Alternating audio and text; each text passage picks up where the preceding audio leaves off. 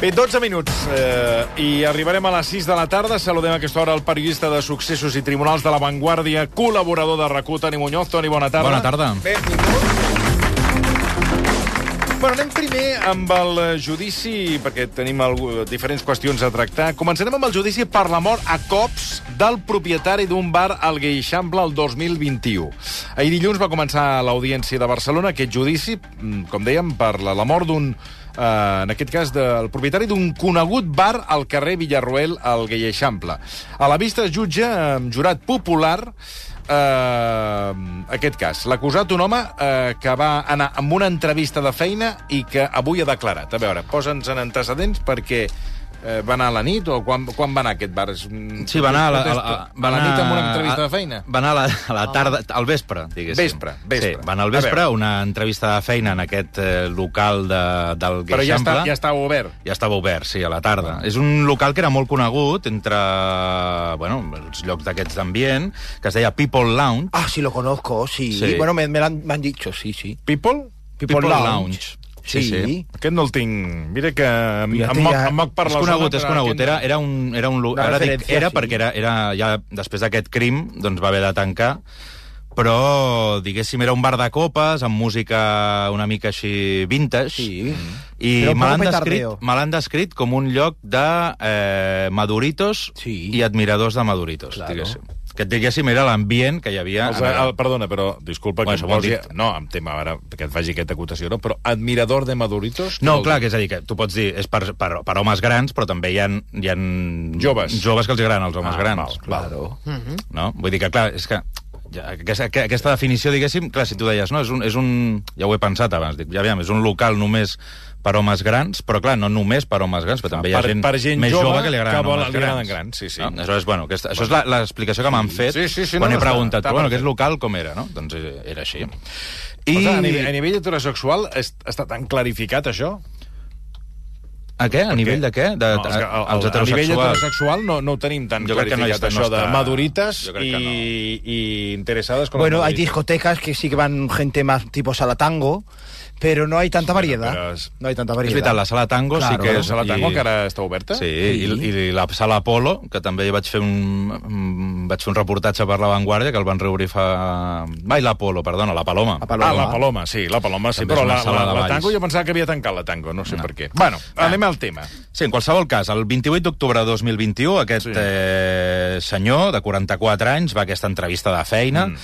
I comença, diguéssim, a parlar amb l'amo, que es mm. diu José Sotomayor, que és un senyor de 66 anys, i que té aquest bar des de feia aproximadament uns 5-10 anys, em deien, no? que portava obert, i, bueno, ell era qui portava, diguéssim, la, el, la veu cantant en aquesta entrevista, parla amb aquest noi, que es diu Giovanni, i després, a mesura doncs, que van passant les hores, no? eh, van prenent copes, van prenent alcohol, fins que al final decideixen eh, anar al pis d'ell, de, del propietari, per mantenir relacions sexuals. I és allà quan pugen al domicili, no està molt ben acotada a l'hora del crim, perquè els Mossos i la Fiscalia parlen des de les 12 fins aproximadament a les 3 de la matinada.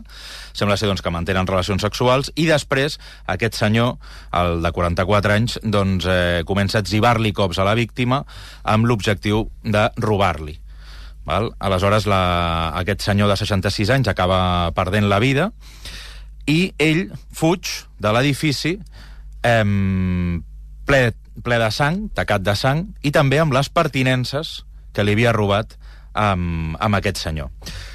Eh, aquests són els fets, sembla doncs, eh, que és bastant clar, perquè després els Mossos d'Esquadra Ja, ja, al aquest- mateix moment el detenen, perquè quan torna el marit... sí, al mateix moment que baixa de la, del pis... Que baixa del pis, El eh, pràcticament el detenen, perquè el marit de la víctima, que bueno, doncs va pujar al pis i va trobar el seu marit doncs, eh, estès a terra sense vida, va trucar ràpidament a... Primer va trucar un amic, perquè deia que no estava capacitat per trucar als Mossos, va avisar un amic, i aquest amic va avisar els Mossos, que es van presentar a la zona i el van veure doncs, encara atacat de sang i el van poder enxampar. No? Aleshores, clar, davant d'aquestes evidències bastant clares, doncs té poc marge de recorregut, diguéssim, les explicacions que pugui donar, no? I aleshores, avui ha declarat, avui ha declarat l'acusat, aquest eh, home, doncs, que en el moment dels fets tenia 44 anys, i que ha explicat, clar, com pot justificar no? que tu ataquis a una persona indefensa, que a part, és a dir, estan en un entorn de confiança, que està mantenint relacions sexuals, que està a casa seva, que van beguts, és a dir, que té poca capacitat de, de, de defensar-se i de reaccionar, com justifiques tot això? Doncs mm, el que justifiquen la majoria de les persones Que que, no estava tenen... sota els efectes de l'alcohol. Que estava sota els efectes de l'alcohol, que estava sota els efectes de les Però drogues... encara és que... un atenuant, eh, sota Sí. els efectes. Jo és una cosa que... He És un atenuant sempre i quan tu no sàpigues quina és la reacció que et provoquen les drogues. És a dir, tu, tu veus de manera, és a dir, si tu veus de manera recurrent o tu et drogues de manera recurrent i saps que tens una reacció violenta, doncs no serà un atenuant, no? Si tu et drogues aquell dia, et vas drogar i no sabies quina d'allò i vas reaccionar d'aquesta manera, pot arribar a ser un atenuant, no? Però en aquest cas, doncs aquest senyor ha explicat això, que estava sota els efectes de l'alcohol, que estava sota la, els efectes de la droga, i que l'altra persona, aquest senyor de 66 anys, el va atacar. I va- que el va atacar. El va atacar. El senyor de 60 anys el va atacar el de 40. El de 40. I que, clar, ell que no va tenir més remei doncs, que defensar-se i que... I, bueno, i, és a dir, què està intentant? Una, el va una atacar, legítima que el, defensa. el propietari del bar el va atacar. Sí. I llavors ell es va defensar... Es va defensar i el, sí, i el va matar. Com el va matar? Doncs va agafar no sé quants objectes que hi havia per allà i va començar a etzibar-li cops fins que finalment doncs, el, va, el va matar a cops. Això és el que explicava ell, doncs, que ell va intentar repel·lir un, un atac per part del, del propietari. él me atacó. Traté de salir corriendo, me siguió gol- eh, golpeando y cuando yo me vi sangre, perdí el control de mí mismo. Nos asazamos en, una pelea, o sea, yo sentí que, que, que, me iba a matar, o sea, sentí y así lo percibí, porque yo estaba lleno de sangre, pues yo sangraba, era sangre mía. No hubo ningún ruido, yo eh, agarré a tirarle cosas, él también me tiraba sentía en mi cabeza que era él o era yo.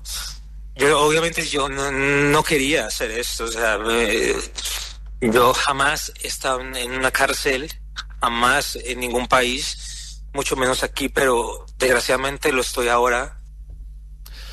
Bueno, doncs aquestes són les, eh, les explicacions. Eh, Bueno. Sí, és a dir, té Sí. poc marge de maniobra, no? És, ell, ell és l'autor dels fets. També hi ha una cosa molt curiosa en tots aquests casos, quan són tan clars, que fixeu-vos que ells estan parlant davant d'un jurat popular, no? I el que intenten és fer veure que, ell, que no van ser ells, és a dir, que va ser una altra persona que estava com posseït, que estava sota els efectes de les drogues, però que ell no és així, no? I aleshores, això és un... Sí, que, és es un... va, que es va unnubilar, o es va un, un, un nubilar, no? Sí, Eh, és va, un perdre, va perdre el control d'ell mateix. Exacte, és un argument bastant recurrent normalment, no? Sem- No era jo, no? És- Era, era una altra persona en aquell moment, no? Bueno, no, no era una altra persona, era vostè, Era ell. i per això li demanen 26 anys de presó. De fet, aquest mateix argument és una mica el que, el, el que ha tornat a reiterar avui també a la sessió del, del judici. No sabía si lo que había pasado allí había sido cosa mía, yo estaba demasiado borracho, salí tambaleándome por las paredes, tropezaba contra todo, contra las paredes del edificio, cogí el ascensor, eh, estaba como desquiciado, estaba loco, apretaba muchos botones, subí y bajaba por el ascensor, como, o sea, no sabía lo que hacía, o sea, no era yo, era otra persona completamente diferente. No sé, ha el ascensor ha parado del parking y, y yo temía por mi vida, me escondí debajo de un coche. Sí, Cuando llegaron bueno, això també, no? És, eh, jo estava tement per la meva vida, jo no era jo, era una altra persona, no, no, era vostè, el que passa que vostè doncs, està al·legant aquest tipus de, de coses, no? Eh, com ho ha justificat ell? Perquè, clar, que també és interessant saber, no? Doncs ell simplement ha dit que el propietari del, del bar el va portar, doncs, a... Bueno, li va dir, si quieres más dinero, doncs puja i mantenim relacions sexuals, no? Eh, que això mm, també és estrany, eh? Però bueno. Ell ha dit això i que el va, li va proposar fer unes pràctiques sexuals que ell no li agradaven, que ja es va començar a agobiar, després va dir que es trobava tan malament que li va dir truca a l'ambulància i que el propietari del bar li va dir que no, que havien de mantenir relacions sexuals com fos, que fins i tot creu doncs, que li va posar alguna cosa a la beguda. I, i res, que aleshores ell ja es va agobiar i que ja van començar doncs, aquesta baralla. Això aviam, és el que ell ha de dir d'alguna manera per justificar-se, no? Però sí que és veritat que a vegades és una mica cruel perquè la víctima no és només la víctima, sinó que a sobre doncs, li tiren, diguéssim... Eh, Sí, sí, eh, la culpa. La culpa de, de del que va passar. Del que va passar. Tot i que el mort és... O sigui, la persona assassinada no... Sí. Clar, és, Sí, és sí. l'altra. Exacte. Uh, tot això, qui, què demana la Fiscalia? Doncs la Fiscalia demana 26 anys de presó per un, un delicte d'assassinat amb traïdoria i després també li demana 4 anys més, és a dir, són 22 més 4 pel robatori de les, de les pertinences que consideren que era el mòbil del crim. Bé, eh, canviem, de, canviem de, de temàtica. Anem amb el cas Negreira, eh, Toni, perquè els àrbitres interrogats per la Guàrdia Civil neguen que Negreira influís en les seves actuacions. Sí, aquest és un de... Bueno, ens vam estar llegint el, el sumari del cas. Eh, en quin moment ens trobem del cas? Perquè, clar, eh, anem tenint fascicles, no? anem tenint nous capítols, nous episodis, i a vegades no ens perdem d'en quin és el punt en el, en el que ens trobem. Doncs, bàsicament, la Guàrdia Civil ha estat eh, interrogant els àrbitres, bàsicament per mm, descobrir eh, o respondre a la gran pregunta. És, a vostè els va comprar algú? El Barça els va comprar? No. Els van influir? Negreira els influïa No. per, eh, per manipular els partits? No. I tots han dit que no, efectivament. I aleshores, bueno, eh, això, doncs, han presentat un informe amb el recull de tots els interrogatoris que han fet amb, el, amb aquests àrbitres de primera divisió, alguns retirats, alguns estan al bar, Eh, Sergi Albert, també, Ah, és, un sí? dels, és un dels interrogats. Sí. Home, doncs, Sí, escolta, sí. parlarem un dia, tant. un dia No, d'aquests amb ell, que I sempre, bàsicament- sempre té l'amabilitat de- Atendre'ns. de- d'atendre'ns. Sí, sí, i de fet Sergi Albert va dir el que més o menys havia explicat aquí en, en aquest eh, programa, que, si no recordo malament, va dir que aparcava, eh, la seva plaça d'aparcament estava al costat de la del fill de Negreira. Sí, senyor. I doncs li va explicar també a la, a la Guàrdia Civil. I bé, bàsicament, doncs el que expliquen és això, que eh, bàsicament l'únic contacte que tenien amb Negreira era a final de temporada, que ell era l'encarregat, diguéssim, del comitè tècnic d'àrbitres de comunicar-los als àrbitres si pujaven o baixaven de categoria, però que consideraven que qui manava realment al comitè tècnic d'àrbitres era Arminio. Victoriano Sánchez Victoria. Sánchez d'Arminio. I si els àrbitres diuen que no els va influir en res, vull dir, aquest cas, eh, quin recorregut té si ells diuen Cap. que no... Bueno, aquest cas té dues arestes. Per una banda, s'ha d'esbrinar... És a dir, el que està clar és que el Barça pagava amb aquest senyor, no? Aleshores, aquí s'ha d'esbrinar per què pagava, perquè, òbviament, no hi, ha un, no hi ha un retorn, no hi ha uns serveis que hagi fet. Deien que eren un assessorament verbal. Val? Aleshores, com que això no ningú s'ho creu, doncs s'ha de saber aquests diners a què anaven destinats. A una de dos, a que el, aquests diners anessin a parar a les butxaques d'algú altre, és a dir, que al final és un delicte d'administració deslleial, ficar la mà a la caixa del Barça per repartir-la entre uns tercers, que no sap qui són, o que, en, tenint en compte, aquesta és la sospita, que Negreira tenia una certa influència en els àrbitres, doncs li paguessin al Barça perquè l'afavorissin els arbitratges. Aleshores, això seria un delicte de corrupció esportiva. I això seria el que veritablement tacaria el Barça, malgrat que el fet que hagin robat també de diners del Barça també és un, del- un delicte greu, en cas que es demostri. Però eh, el Barça com a institució el que més li perjudicaria, sense cap mena de dubte, és el tema de la corrupció esportiva. Han preguntat als àrbitres de primera mà i han dit que no. També es pot veure d'una altra manera. Mm, si algú li haguessin pagat doncs, per eh, beneficiar el Barça, no sé si ho diria. Mm. No? Aquesta també és una altra manera No, de veure. si no, et vas, eh, després vas darrere tu. És Clar. a dir, tu dius, sí, jo vaig, eh, vaig cobrar... Vaig i- acceptar. Vull dir que també diguem-ho que tot, darrere no? després de la causa... clar. També diguem-ho tot, però sí que és veritat que ells han explicat que en cap moment s'han sentit influïts, ni Veus? influenciats, ni condicionats Això és per que Negreira. Això és el que conta. I, i, i què està prohibit dir la mentida? Sí, per... Com? Sí, sí, en aquest cas sí, perquè ells eren testimonis. Per Està tant, prohibit ells no dir la poden, mentida. Ells no Ah, poden és que no mentir. s'entén com a Està prohibit dir la mentida. Escolti, és que construeix la frase Sí, malament. fatal. Està prohibit No, no, dir la no. mentida. No, serà, està prohibit mentir. Pues el que t'estic dient jo. Ai, que parla d'una manera que no Sí, sí, Per està cert, prohibit que mentir. hi ha una informació que tens que no s'ha explicat relacionada amb una carta que va enviar el fill de Negreira a tots els àrbitres dient que ell no era Negreira. Què, què, què, què, què, què vol dir aquesta Com? carta? Doncs mira, el... Un del, una de les persones que hem trobat a faltar que es pronunciï públicament sobre aquest cas és el fill de Negreira. Exacte. Està No imputat... s'ha pronunciat encara. No. Ell, de, de fet, ha creat un, un, un canal de vídeo a YouTube, mm. després de tot això, que ell diu, jo no soy Negreira, però el canal de YouTube es diu Javi Negreira, malgrat que ell no es diu Negreira, ell es diu Javier Enríquez Romero. Però bueno, ell intentant, jo crec, aprofitant la tirada del cas, ha creat un, un canal de YouTube, però públicament sobre el cas no s'ha pronunciat. Això, recordem, esclata a principis de l'any passat, doncs quan passen una sèrie de mesos eh, i tal, Javier Enríquez Romero, que eh, feia feines de coaching pel, pels àrbitres, és a dir, els congress... Ell. ell quan hi havia congressos d'àrbitres i tal, una trobada no sé on, doncs el convidaven amb ell, que era...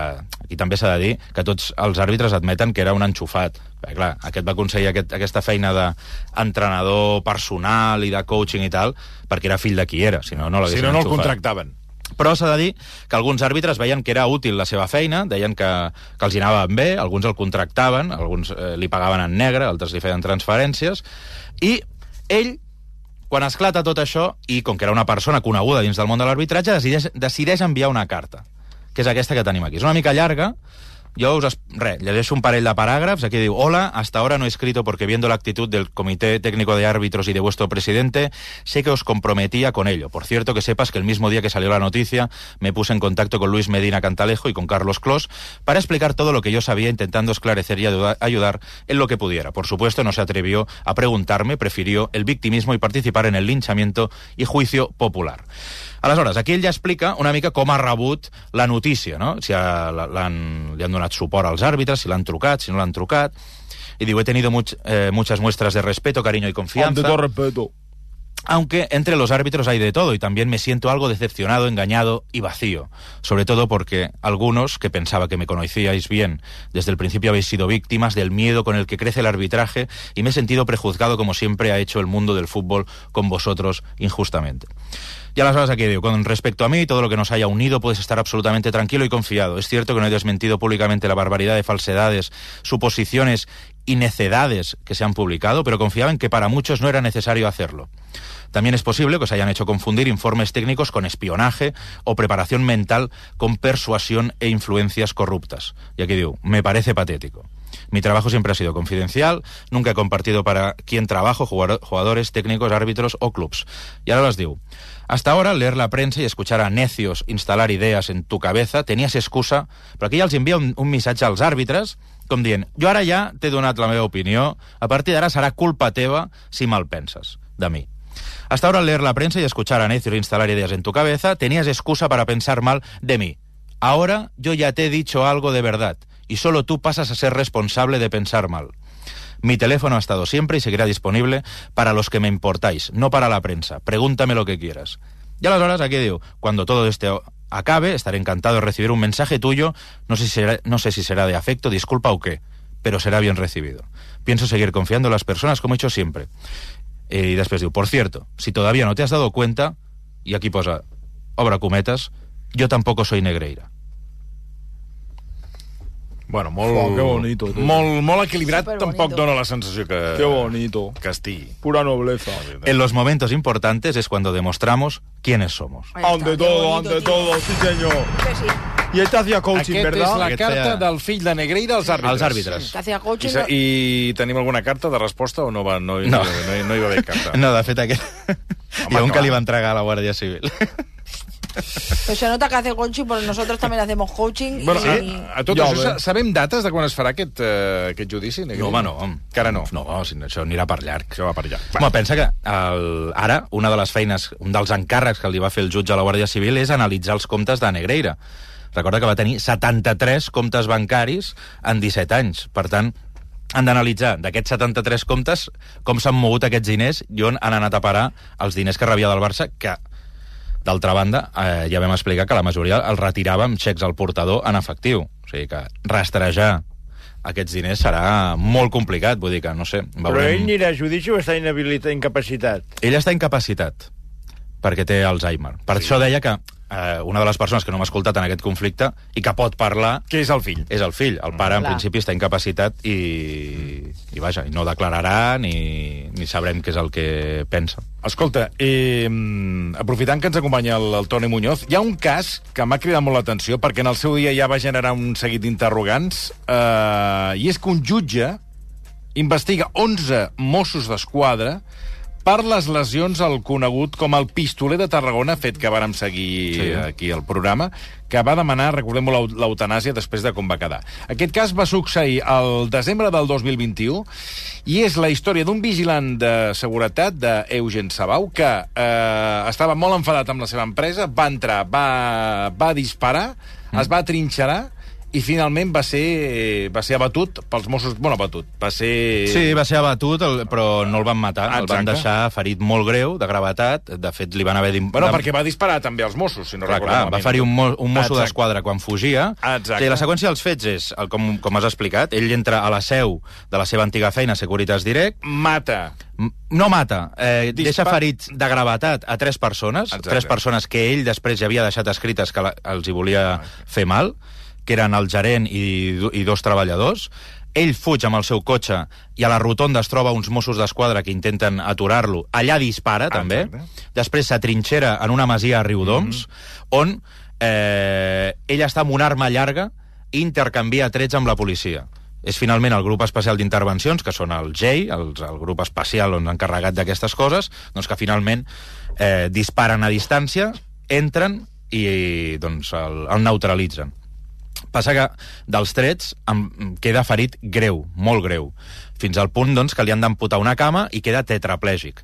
Això el força amb ell a demanar l'eutanàsia, un cop s'aprova la, la nova llei, i és a l'agost d'aquest any quan li apliquen l'eutanàsia. Això va ser bastant controvertit perquè moltes de les víctimes, aquestes tres persones més el mosso d'esquadra que van quedar ferits i que reclamaven justícia, eh, que es fes justícia en aquest cas, doncs no ho han pogut fer perquè se li ha aplicat l'eutanàsia abans de ser jutjat. I clar, aquí entrava, diguéssim, aquesta col·lisió entre aquests dos fets, que es fes justícia i al mateix temps aplicar-li l'eutanàsia a aquesta persona doncs, que tenia aquesta malaltia tan greu i que ho havia sol·licitat. Aleshores, ara, la germana de- D'ell. d'ell ha decidit denunciar presentar una querella contra els Mossos d'Esquadra perquè considera que l'actuació en la qual va quedar ferit el seu germà va ser desproporcionada. Creu que podien haver fet servir un alt, uns altres mètodes menys lesius que no acabessin doncs, deixant-lo tetraplègic. I un jutge ho ha acceptat, ha imputat a 11 Mossos d'Esquadra que van participar d'aquella actuació per un delicte de lesions i ara hauran de respondre davant de la justícia per aquest delicte.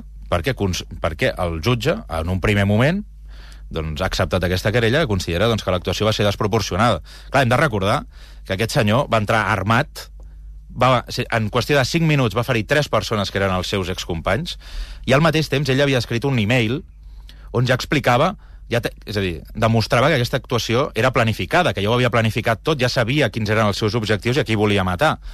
De fet, ell ja va escriure voy a salir en las noticias con Securitas.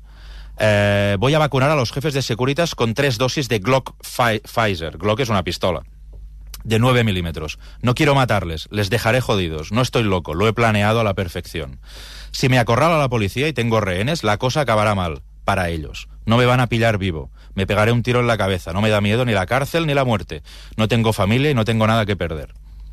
Doncs aquesta persona, eh, que després doncs, no ha pogut ser jutjat doncs, perquè va quedar tetraplègic i li han aplicat l'eutanàsia, doncs la seva germana, que bé, hi ha alguna gent doncs, que ens diuen que no tenien relació i que arran d'aquest cas doncs, ha decidit eh, moure fitxa, ha denunciat els Mossos, un jutge ho ha acceptat, i veurem no? que és el que, com acaba, si consideren que l'actuació va ser desproporcionada, si es podia haver fet d'una altra manera O no. O, o no.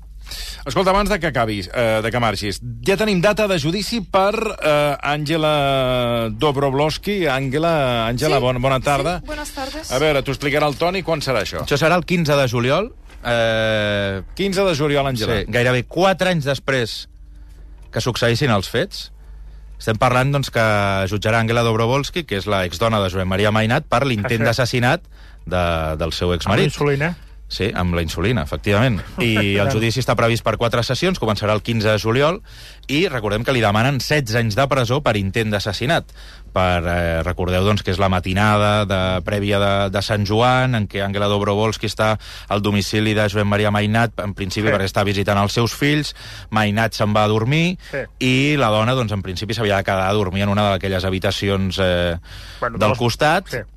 Quan durant tota la nit entra fins en 13 ocasions a l'habitació de Josep Maria Mainat mentre està dormint. Allà doncs, li administra diverses dosis d'una substància eh, i bé, la justícia considera que va ser insulina per fer-li baixar el sucre i, i provocar-li un coma hipoglu hipoglucèmic com finalment li va passar, perquè va tenir un coma hipoglucèmic i doncs, va haver d'ingressar d'urgència a l'hospital i en canvi, ella diu que el que li va donar doncs, eren unes vitamines i un tractament eh, antienvelliment.